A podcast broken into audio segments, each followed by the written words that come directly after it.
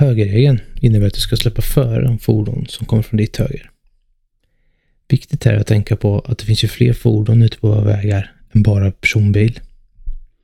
Cykel räknas ju exempelvis in också som ett fordon.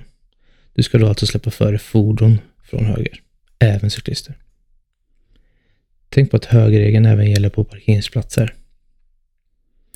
Högerregeln kräver ingen skylt. När det inte finns någon huvudled eller väjningspliktsskylt och vägen från höger inte är en utfart, då gäller högerregeln.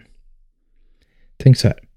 Finns det ingen information om vad som gäller på vägen, då är det väldigt mycket information om att det är högerregeln. I vissa korsningar som har satt upp en varning för korsning, då vill man göra dig som trafikant extra uppmärksam på korsningen. Och att det kommer vara högerregeln som gäller.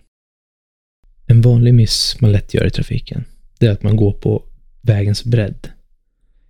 Tänk på, finns det ingen huvudledsskylt, då är det högerregeln.